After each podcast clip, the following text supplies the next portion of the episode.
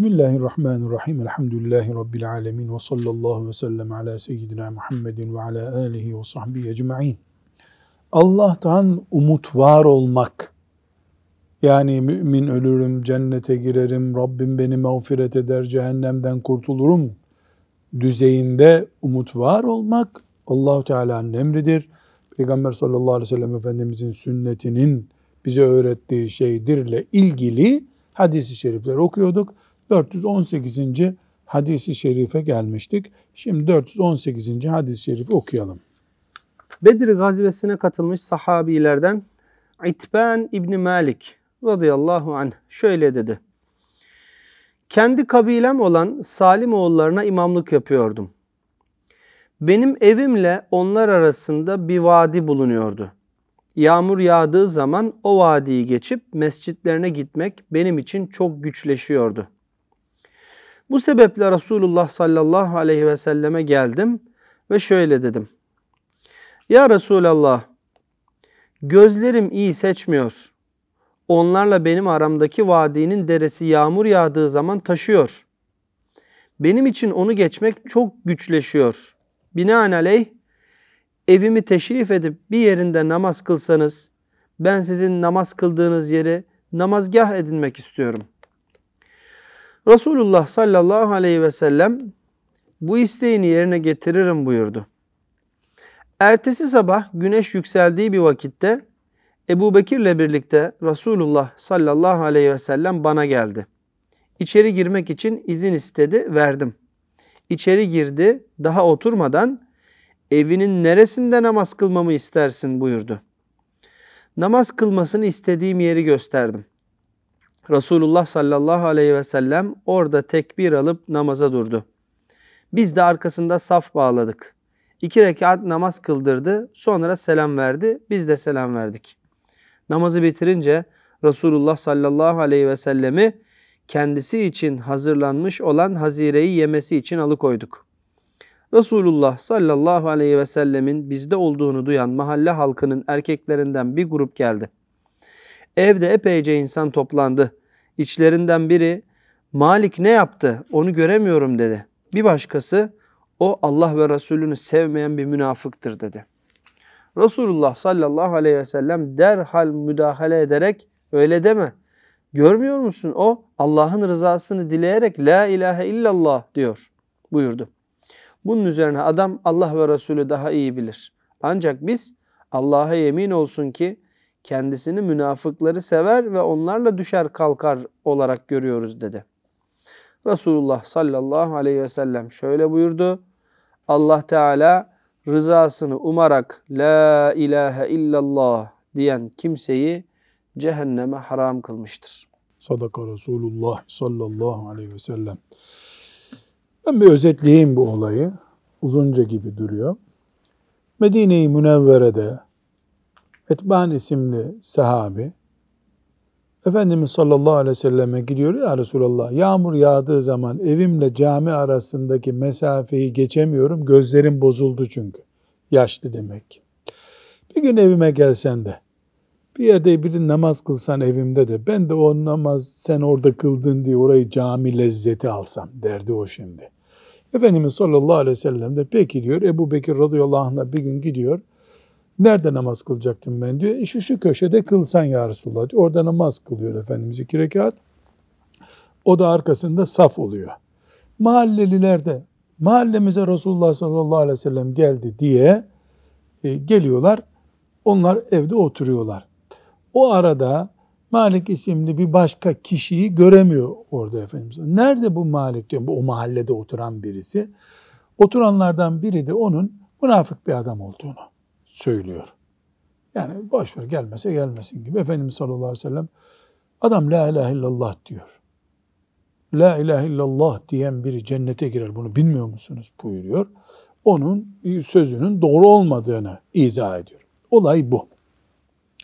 Şimdi e, burada her şeyden evvel Resulullah sallallahu aleyhi ve sellemin tevazuunu bir kere daha. Şart değil, farz değil onun evine gitmek. Yaşlı bir sahabin hatırını kırmıyor. Bu müthiş bir şey. Müthiş bir şey. Yani peygamberce bir tavır demek ki sallallahu aleyhi ve sellem. Tekrar Talha Hoca hasretle e, özlemimizi dile getiriyoruz. Biraz büyüyen insanlardan kendini ele tek çekiyorsa, e bu Peygamber sallallahu aleyhi ve sellem'in sünnetine aykırı oluyor demek. İkinci bundan çıkaracağımız bu hadis-i şeriften farklı bir şey. Yani burada cemaatle namaz kılmanın, e, cemaatten geri kalmamanın ne kadar önemli bir şey olduğuna dair de ipucu çıkıyor. Çünkü bu sahabinin derdi ne Etben radıyallahu anh'ın derdi ne? Yani ben camiye gidemiyorum evde zaten kılıyorum namazımı diye rahatlamıyor. Ya bari evde hanımımla çocuklarımla namazı kılayım da cemaat sevabım kaybolmasın buyuruyor. Anlaşılıyor ki bir Müslümanın cemaate önem vermesi lazım. Üçüncü meselemiz bu e, zat Allah ondan razı olsun evinde ne istiyor Efendimiz sallallahu aleyhi ve sellem'den? Bir yerde sen kıl. Böylece iki şey sağlayacak. Bir, bu evde Peygamber sallallahu aleyhi ve sellem burada namaz kıldı diye bir tür orayı bereketli, namaz daha makbul görecek. Bu biraz da kurnazlık biliyor musun? Çünkü Resulullah sallallahu aleyhi ve sellemin ayağının değdiği, alnının değdiği yere secde edecek, ayağını koyacak. Yani onun için yani harika bir şey. Akıl bu işte. İkincisi evde cami tavrı nasıl yapılır? Bunu Peygamber aleyhisselamdan öğrenecek. Kendi de devam ettirecek. Demek ki Müslümanların evinde mümkünse böyle çok bir daracıklık falan yoksa bir e, mescit köşesi olmalı. Mescit köşesi. Hatta ben e, derslerde umumiyetle tavsiye ediyorum. Al karton piyerle falan böyle bir mini mihrap da yapmalı. Kadın, erkek kim namaz kılıyorsa orada kılmalı.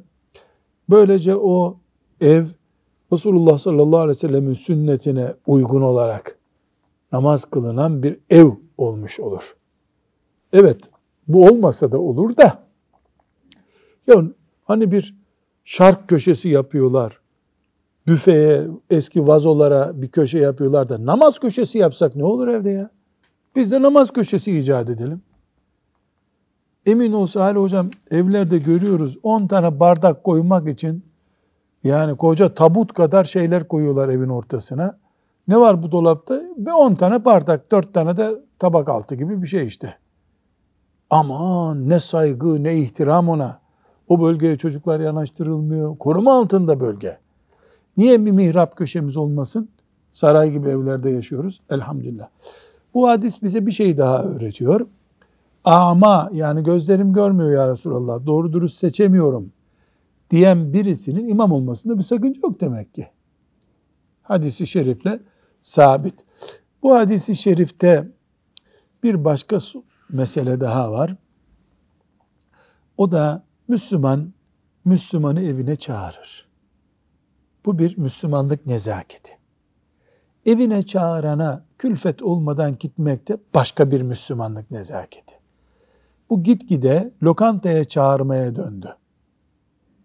Yani mesela Anadolu'da rastladınız mı bilmiyorum. Taziye evleri bile var. Yani cenaze için köylü veya şehirli taziye evi yapmış belediye oraya gidiyorlar. Kimse kimsenin evine girmiyor artık.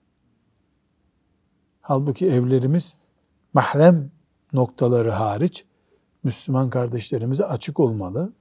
Evet farz değil, vacip değil. Yapılmazsa haram işlenir değil.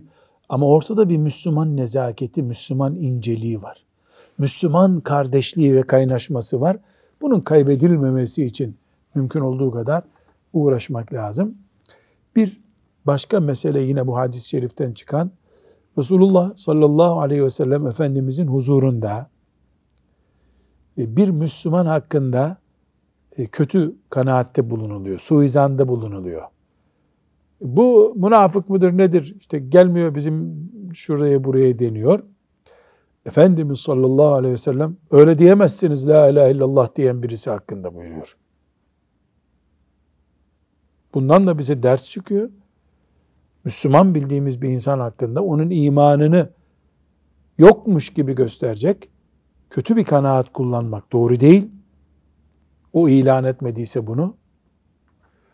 Bir, iki, bir Müslümanı onun bulunmadığı bir yerde de savunmak gerekiyor. O bizim siyasi kadromuzdadır. O ayrı bir mesele. Hocamızdır. O da ayrı bir mesele. Akrabamızdır. O başka bir mesele. Ya Müslüman olduğu için Müslüman savunulur olmalıdır. Yani Müslüman olması bir insanın yeterli olmalı. Onun bizim tarafımızdan savunulmasını sağlamak için. İnşallah amel ederiz. Ama e, Salih Hocam bu tatlı bir hatıra. Evet. O günlerde demek Efendimiz sallallahu aleyhi ve sellem hani bu çağdaş ifadeyle sosyal uygulamaları da var. Sadece namaz kıldırıp göndermiyor. Mesela orada yemek yapılıyor onun için. O yemeğe de kalmış. Mahalleliler e, peygamber mahallemize gelmiş aleyhissalatü vesselam deyip koşuşturmuşlar. O da kalmış. Yani bu neyi gösteriyor? Efendimiz sallallahu aleyhi ve sellem böyle bir tekkesine oturmuş da işte orada akşama kadar gelenlere zemzem ikram ediyor. Öyle bir değil. Hayatın içinde. Ama gittiği yere dinini götürüyor. İnsan olarak kendisi gidiyor ama dinini götürüyor. Orada bak kaç tane sünnet öğrendik değil mi? Yani bir hayat öğrendik buradan. Ee, onun vekili olan alim de böyle olmalı. El ayağı tutuyorsa şüphesiz veya takati varsa yani alim insanların ayağına gelip e, onlara din öğrettiği insan değildi. O var zaten. Ama yeri geldiğinde düğüne de gider. Yeri geldiğinde misafirliğe gider. Orada bir yanlışlık görürse onu düzeltir. Ayrı bir mesele. Eve girmeden önce de mesela izin istemesi hocam. Sahabenin izin verdim demesi. Muhteşem. O sünnet zaten yani kapıya vuruyor. E, mahrem bir eve giriyorsun çünkü başkasının evine giriyorsun. Peygamber de olsan sallallahu aleyhi ve sellem izinsiz girilmiyor. Evet bir sonraki hadis-i şerife geçelim. 419. hadis-i şerifimizi okuyalım. Ömer İbnül Hattab radıyallahu anh şöyle dedi. Bir keresinde Resulullah sallallahu aleyhi ve selleme ayrı düştüğü çocuğuna duyduğu özlemden dolayı rastladığı her çocuğu kucaklayan, göğsüne bastırıp emziren bir kadının da aralarında bulunduğu bir esir grubunu getirdiler. Esir grubu ne? Yani savaştan sonra 100 tane kadın esir düşmüşler. Onları uzaktan izliyorlar. Kadın kendi çocuğunu kaybetmiş. O çocuğu arıyor. Savaş meydanında kaybetmiş. Ondan sonra gördüğü her çocuğu yakalıyor kadın. Gördüğü her çocuğu yakalıyor, öpüyor, okşuyor, emziriyor. Analık hasreti. Evet. Resulullah sallallahu aleyhi ve sellem çevresindekilere o kadını işaretle bu kadının çocuğunu ateşe atacağına ihtimal verir misiniz? Yani bu başkasının çocuğunu bile öpüp okşayan bir kadın kendi çocuğunu ateşe atar mı? Soru.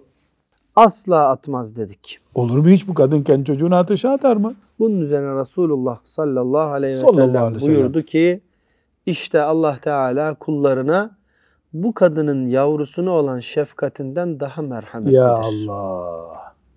Yani hiç Allah ateşe atar mı kullarını gavur değilseler? Şeriatına karşı çıkmadılarsa.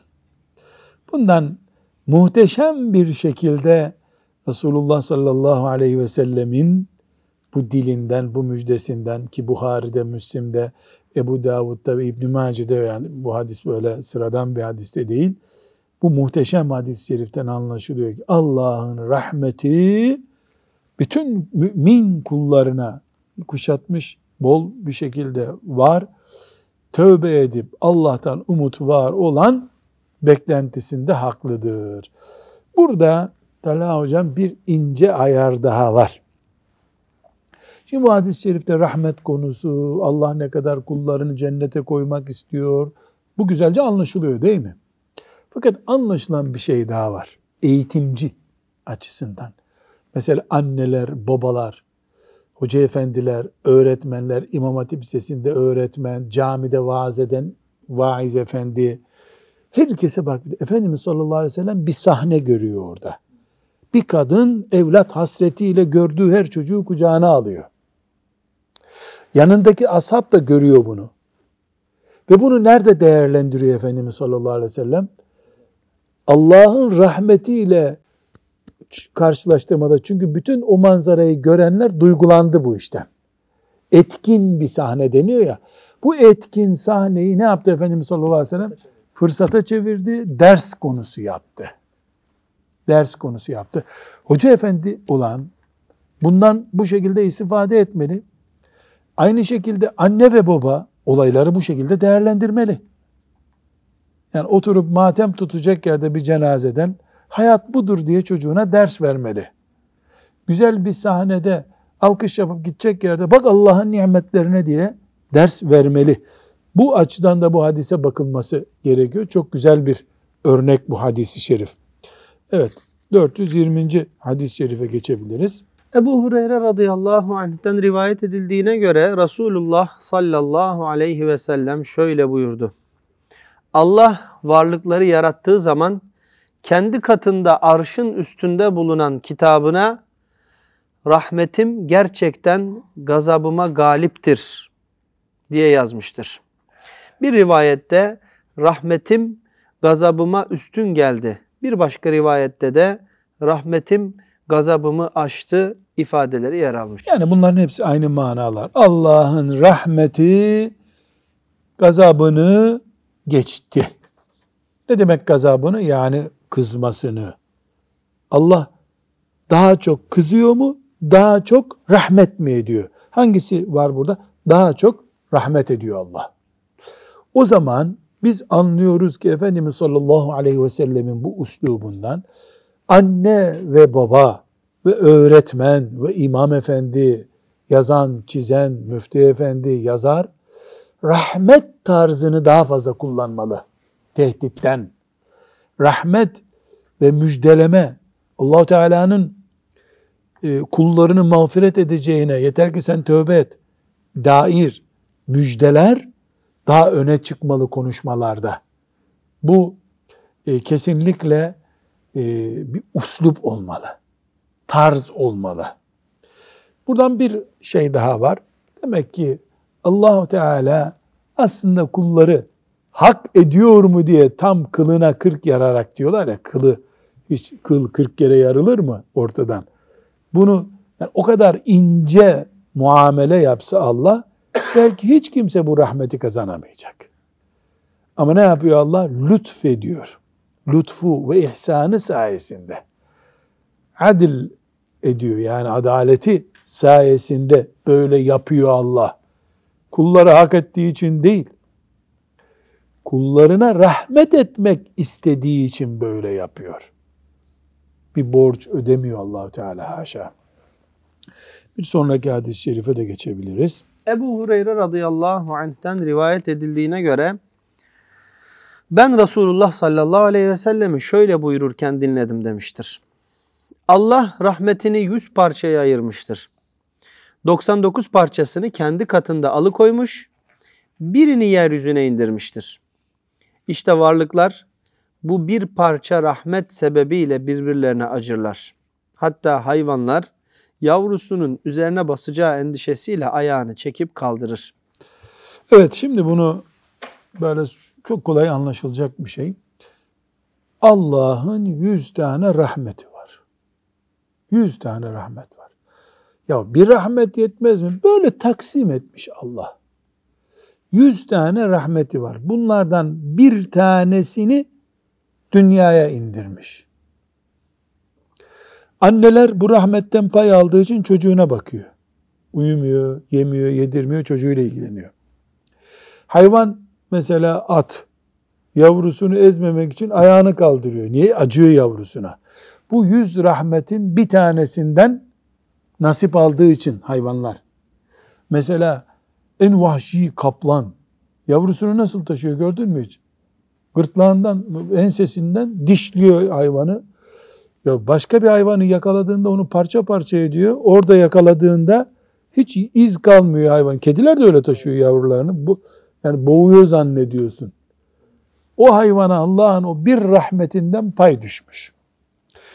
Yüzde biri dünyaya inmiş. Ta ilk kediden beri, ilk Kaplandan beri bu rahmet kullanılıyor. İnsanlar bunu kullanıyorlar. Hala tükenmedi. Kıyamete kadar yetecek. E kıyamet günü yüzde yüz rahmetini kullanacak Allah. Selman radıyallahu anh sahabimiz. Allah ondan razı olsun. Bu mübarek hadisi şerifi bize ulaştırdı. Selman Arap değil biliyoruz değil mi? Kureyş'ten değil, Farisi kökenli. Efendimiz'i araya araya bulmuş ama. Ashabın en büyüklerinden ne buyuruyor Efendimiz onunla ilgili? Selmanun Minni. minni min ehli beyti. Selman benden. Benden buyuruyor.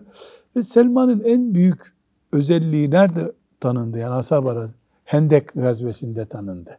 Hendek gazvesinde e, işte hendek kazalım şehrin etrafına ya Resulallah diye teklifte bulundu. O gün sivrildi deyim yerindeyse. Allah ondan razı olsun. Geri kalan rivayetleri okuyalım. Bir başka rivayette şöyle buyurulmuştur. Allah Teala'nın yüz rahmeti vardır. Bunlardan birini insanlar, cinler, hayvanlar ve böcekler arasına indirmiştir. Onlar bu sebeple birbirini sever, birbirlerine acırlar. Yabani hayvan yavrusuna bu sebeple şefkat gösterir. Allah o 99 rahmeti kıyamet günü kullarına merhamet etmek. Ya Allah, ya Allah. Biriyle kainat ayakta duruyor. 99'u ile cennette olacak inşallah. Selman radıyallahu anh'ın naklettiği hadis-i şerifte hiç şüphesiz Allah Teala'nın yüz rahmeti vardır. Bu rahmetten bir tanesi sebebiyle varlıklar birbirlerine merhamet ederler. Evet. 99'u ise kıyamet gününe alıkonmuştur. Bir başka rivayette de Allah gökleri ve yeri yarattığı gün yüz rahmet halk etmiştir. Yani yaratmıştır. Her bir rahmet göklerle yer arasını dolduracak enginliğe sahiptir. Bunlardan sadece bir rahmeti yeryüzüne indirmiştir. İşte anne yavrusuna bu sayede şefkat gösterir. Yabani hayvanlar ve kuşlar bunun sonucu olarak birbirlerine merhamet ederler. Allah Teala kıyamette bu biri 99'a katarak rahmetini yüze tamamlayacaktır. Ya Allah. Eh artık Allah'tan ne kadar rahmet umudu beklememiz, rahmet umudu ve enerjisiyle yaşamamız gerektiğinin büyük bir örneği bu. Ee, bu rahmet arayışımız olmasa hayat olmaz. Bunun bir belgesi bu.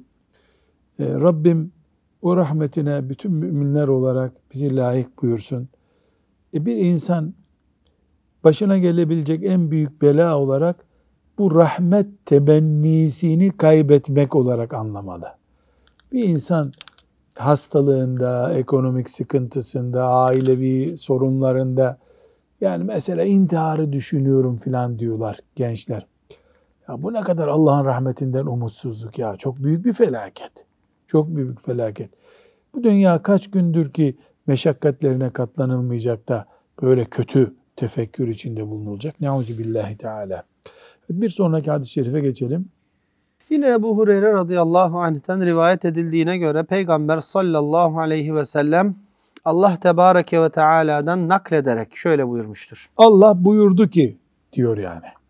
Bir kul bir günah işledi de Allah'ım günahımı bağışla dedi mi Allah Teala kulum bir günah işledi ve günahı bağışlayacak veya bu yüzden kendisini sorgulayacak bir Rabbi olduğunu bildi der. Bak şimdi.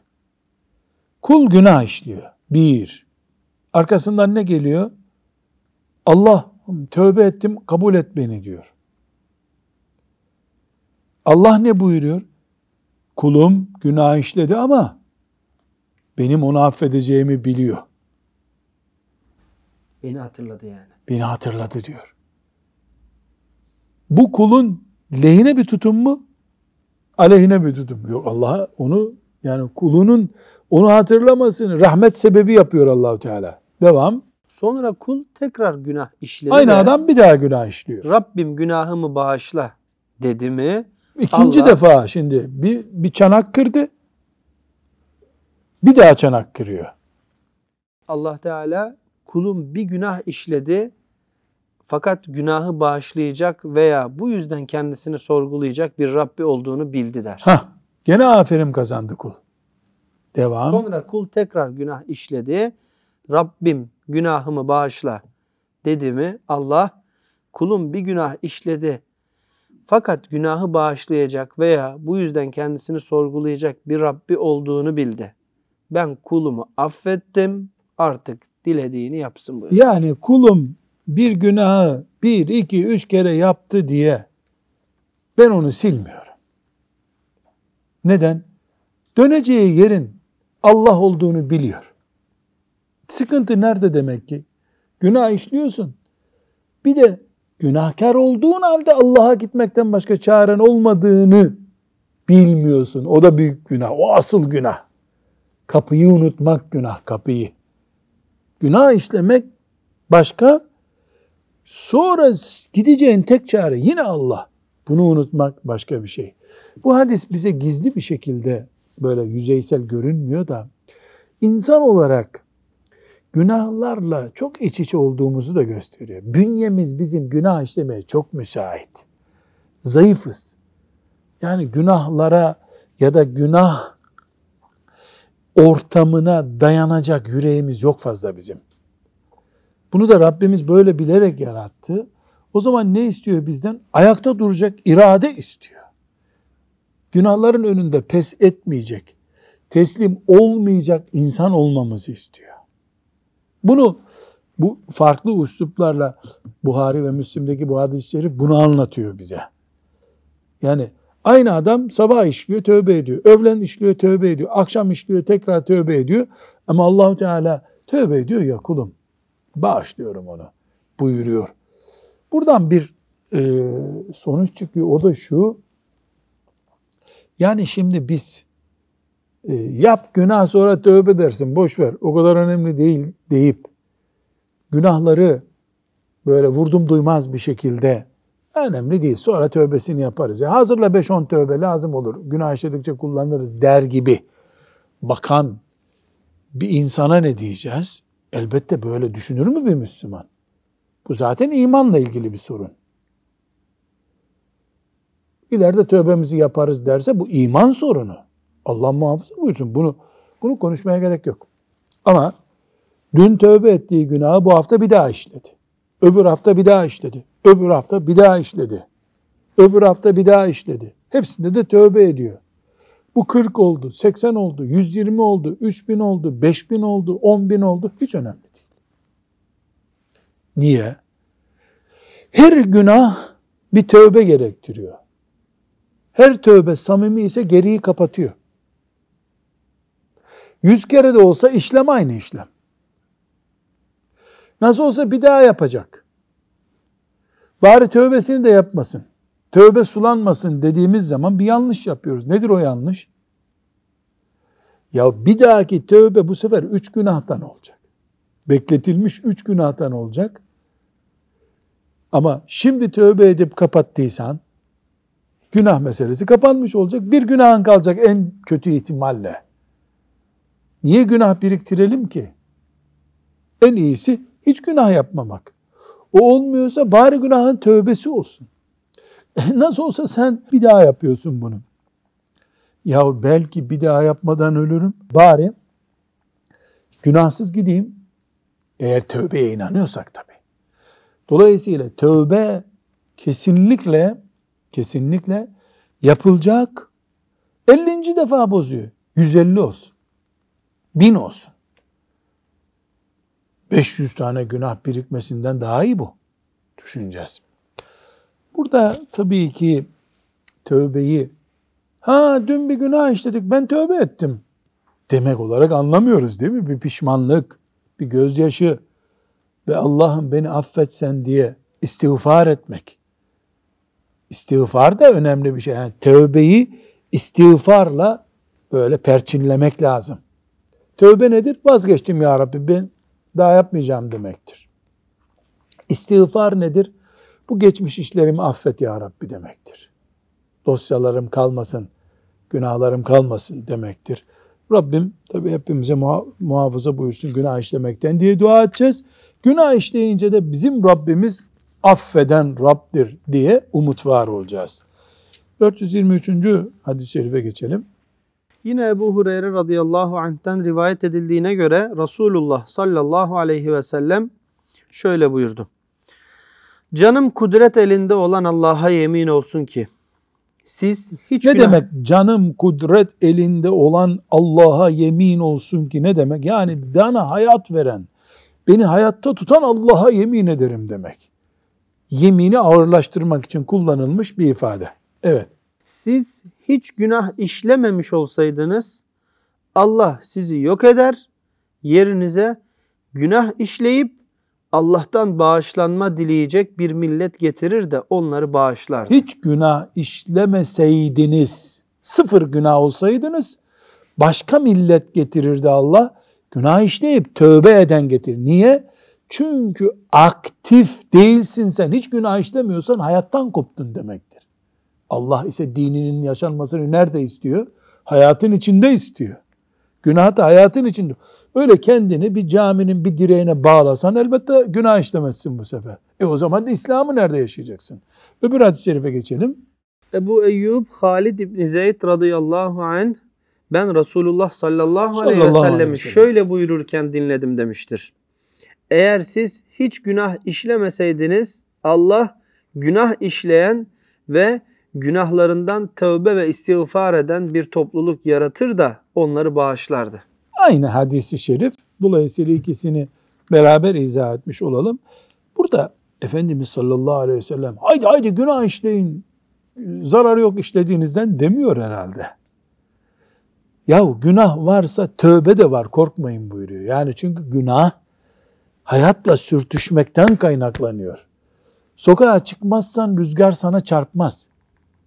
Sokağa çıkınca yüzüne yüzüne rüzgar vuruyor. Kar camdan seyrederken kimseyi rahatsız ediyor mu?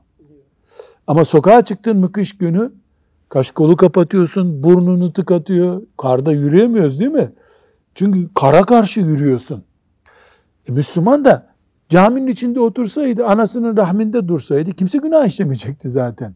Sıkıntı nereden kaynaklanıyor? E, insanız, hayatın içinde yaşıyoruz. Bundan bir dert etmeyin. Nereden dert edin? Tövbe etmiyorsun, hiçbir şey olmamış gibi lakayt davranıyorsun. Sıkıntı orada. Yoksa Efendimiz sallallahu aleyhi ve sellem günaha prim vermiyor burada haşa. Ama tövbeden umutsuz olmaya karşı uyarıyor. Korkmayın. Tövbe varken korkmak yok. Tıpkı ne gibi? Canım Allah Allah maskem var benim istediği kadar fırtına olsun. Der gibi. Yani tövbe bizim solunum sistemimizi tıkatacak fırtınalara karşı maskemiz. Burada tövbe öne çıkıyor. Günaha teşvik öne çıkmıyor. Değil mi? Anlaşılıyor mu bu şekilde? Evet. Peki 425. hadis-i şerife geçelim. Yine Ebu Hureyre radıyallahu anh şöyle dedi. Aramızda Ebu Bekir, Ömer ve birkaç kişi daha bulunduğu halde Resulullah sallallahu aleyhi ve sellemle birlikte oturuyordu. Ha, böyle kaliteli bir üst grup Efendimiz sallallahu aleyhi ve sellemle oturuyorlardı. Ne, ne meclis bu Salih? Yani cennet gibi bir yer demek ki. Ya Allah. Bir ara Resulullah sallallahu aleyhi ve sellem kalkıp aramızdan ayrıldı. Dönmesi gecikince bir şey mi oldu diye endişelendik. Yani Efendimiz o mübarek meclisten kalkmış. Herhalde abdest için çıktı denmiş ama uzamış meclis. Evet. Bu endişeyi ilk duyan bendim. Kim bu ben Ebu dedi? Hureyre Radıyallahu anh. Kalktım ve onu aramaya başladım.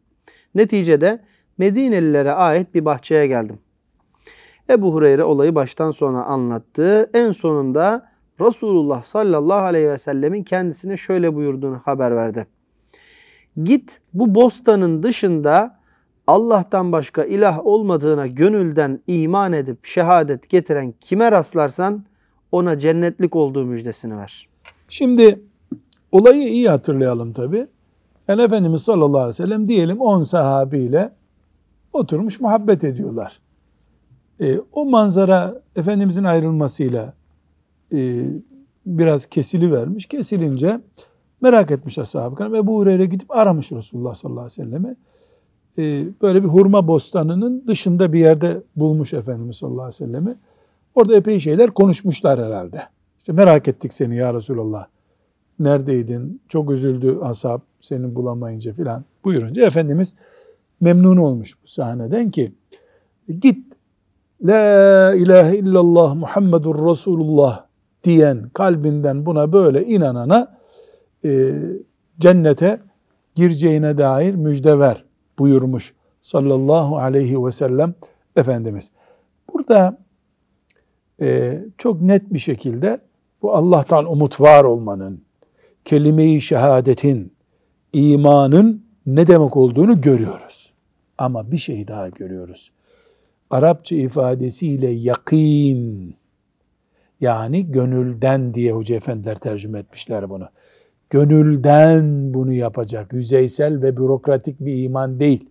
Gönlünde Allah ve peygamber var. Kim ise bu kalpten, gönülden ve candan iman cennete koyuyor demek ki. Burada bir kere daha ya ben geçen sene bir yanlış iş yapmıştım endişesini kaldırıyor Efendimiz sallallahu aleyhi ve sellem. Ana şartel kapanmadı çünkü. Nedir o şartel? İman. İman sağlam. İmanda bir engel yok. Sapa sağlam iman. Elhamdülillah. Ne kadar mübarek devam ediyoruz diyor Efendimiz sallallahu aleyhi ve sellem. Allah Ebu Hureyre'den de ashab-ı kiramdan da razı olsun bu güzel haberleri bize ulaştırdılar. Ya ne güzel. Bir sonraki hadisi şerife geçelim.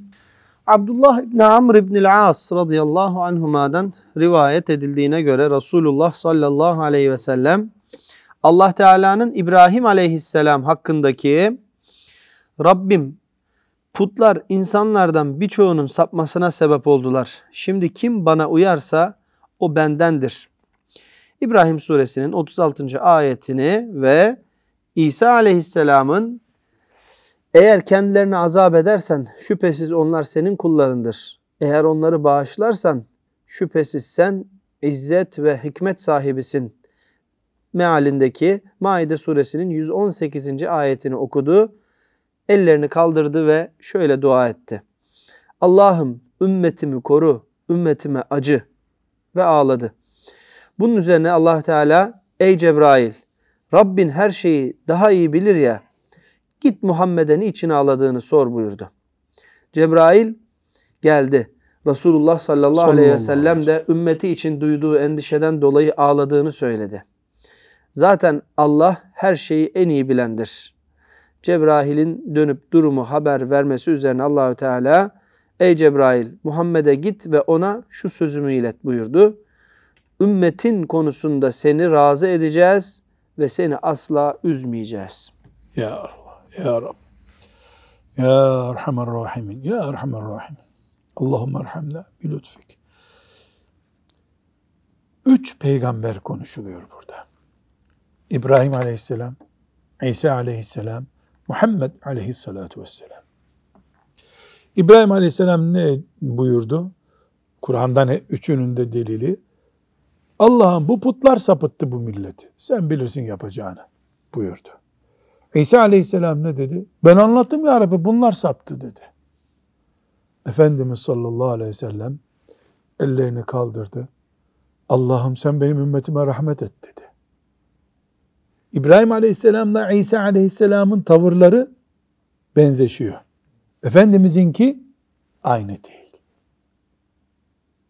Efendimiz sallallahu aleyhi ve sellemin ümmetine ne kadar merhametli davrandığını, ne duygusal baktığını gösteriyor. Müslüman da hala bu sünnettir diye savsaklıyor. Neuzu billahi teala. İki, Efendimiz sallallahu aleyhi ve sellem hafif bir mahzun olup mübarek gözlerinden yaşlar akıtınca Cebrail geliyor. Allah bildiği halde ne oldu Muhammed'e sor niye üzüldü diyor. O da ümmetine acıdığını çünkü biliyor sonra neler ki Allah bildirdi ümmetinin ne ne dağlar devireceğini biliyorum. Faiz camilerin yanında banka şubeleri açılacak. Haramlar kalkacak. İnna lillahi ve inna ileyhi raciun. Kumarhaneler, kumarhane işletmeleri okul yaptıracak, imam hatip yaptıracak. Bunu biliyordu Efendimiz sallallahu aleyhi ve sellem. Haber verdi zaten. O manzarada Cebrail aleyhisselam gelip müjdesini veriyor. Allah buyuruyor ki ümmetin için seni üzmeyeceğiz. Ne demek bu? Yani şefaat hakkı vereceğiz sana. Tabii bu iman eden için. Gene ne dedik bir önceki hadisteki şeyde? iman. Samimi bir imandan sonra bu devrilen dağların hesabını ümmetinden yani tövbe ederlerse, sen de şefaat edersen sormayacağız. Bu hadisi şerif Efendimiz sallallahu aleyhi ve sellemin azametini gösteriyor. Bu müthiş bir şey. Efendimizin hatırı içimizde herhangi bir şeyden daha değerli olmalı. Bir benzeri olmamalı. Bir de bu hadiste Efendimizin duası var. Bu, bu duada ellerini kaldırdığını söylüyor sahabi. Bu el kaldırma farklı zamanlarda farklı şekilde kaldırdı Efendimiz sallallahu aleyhi ve sellem ellerini.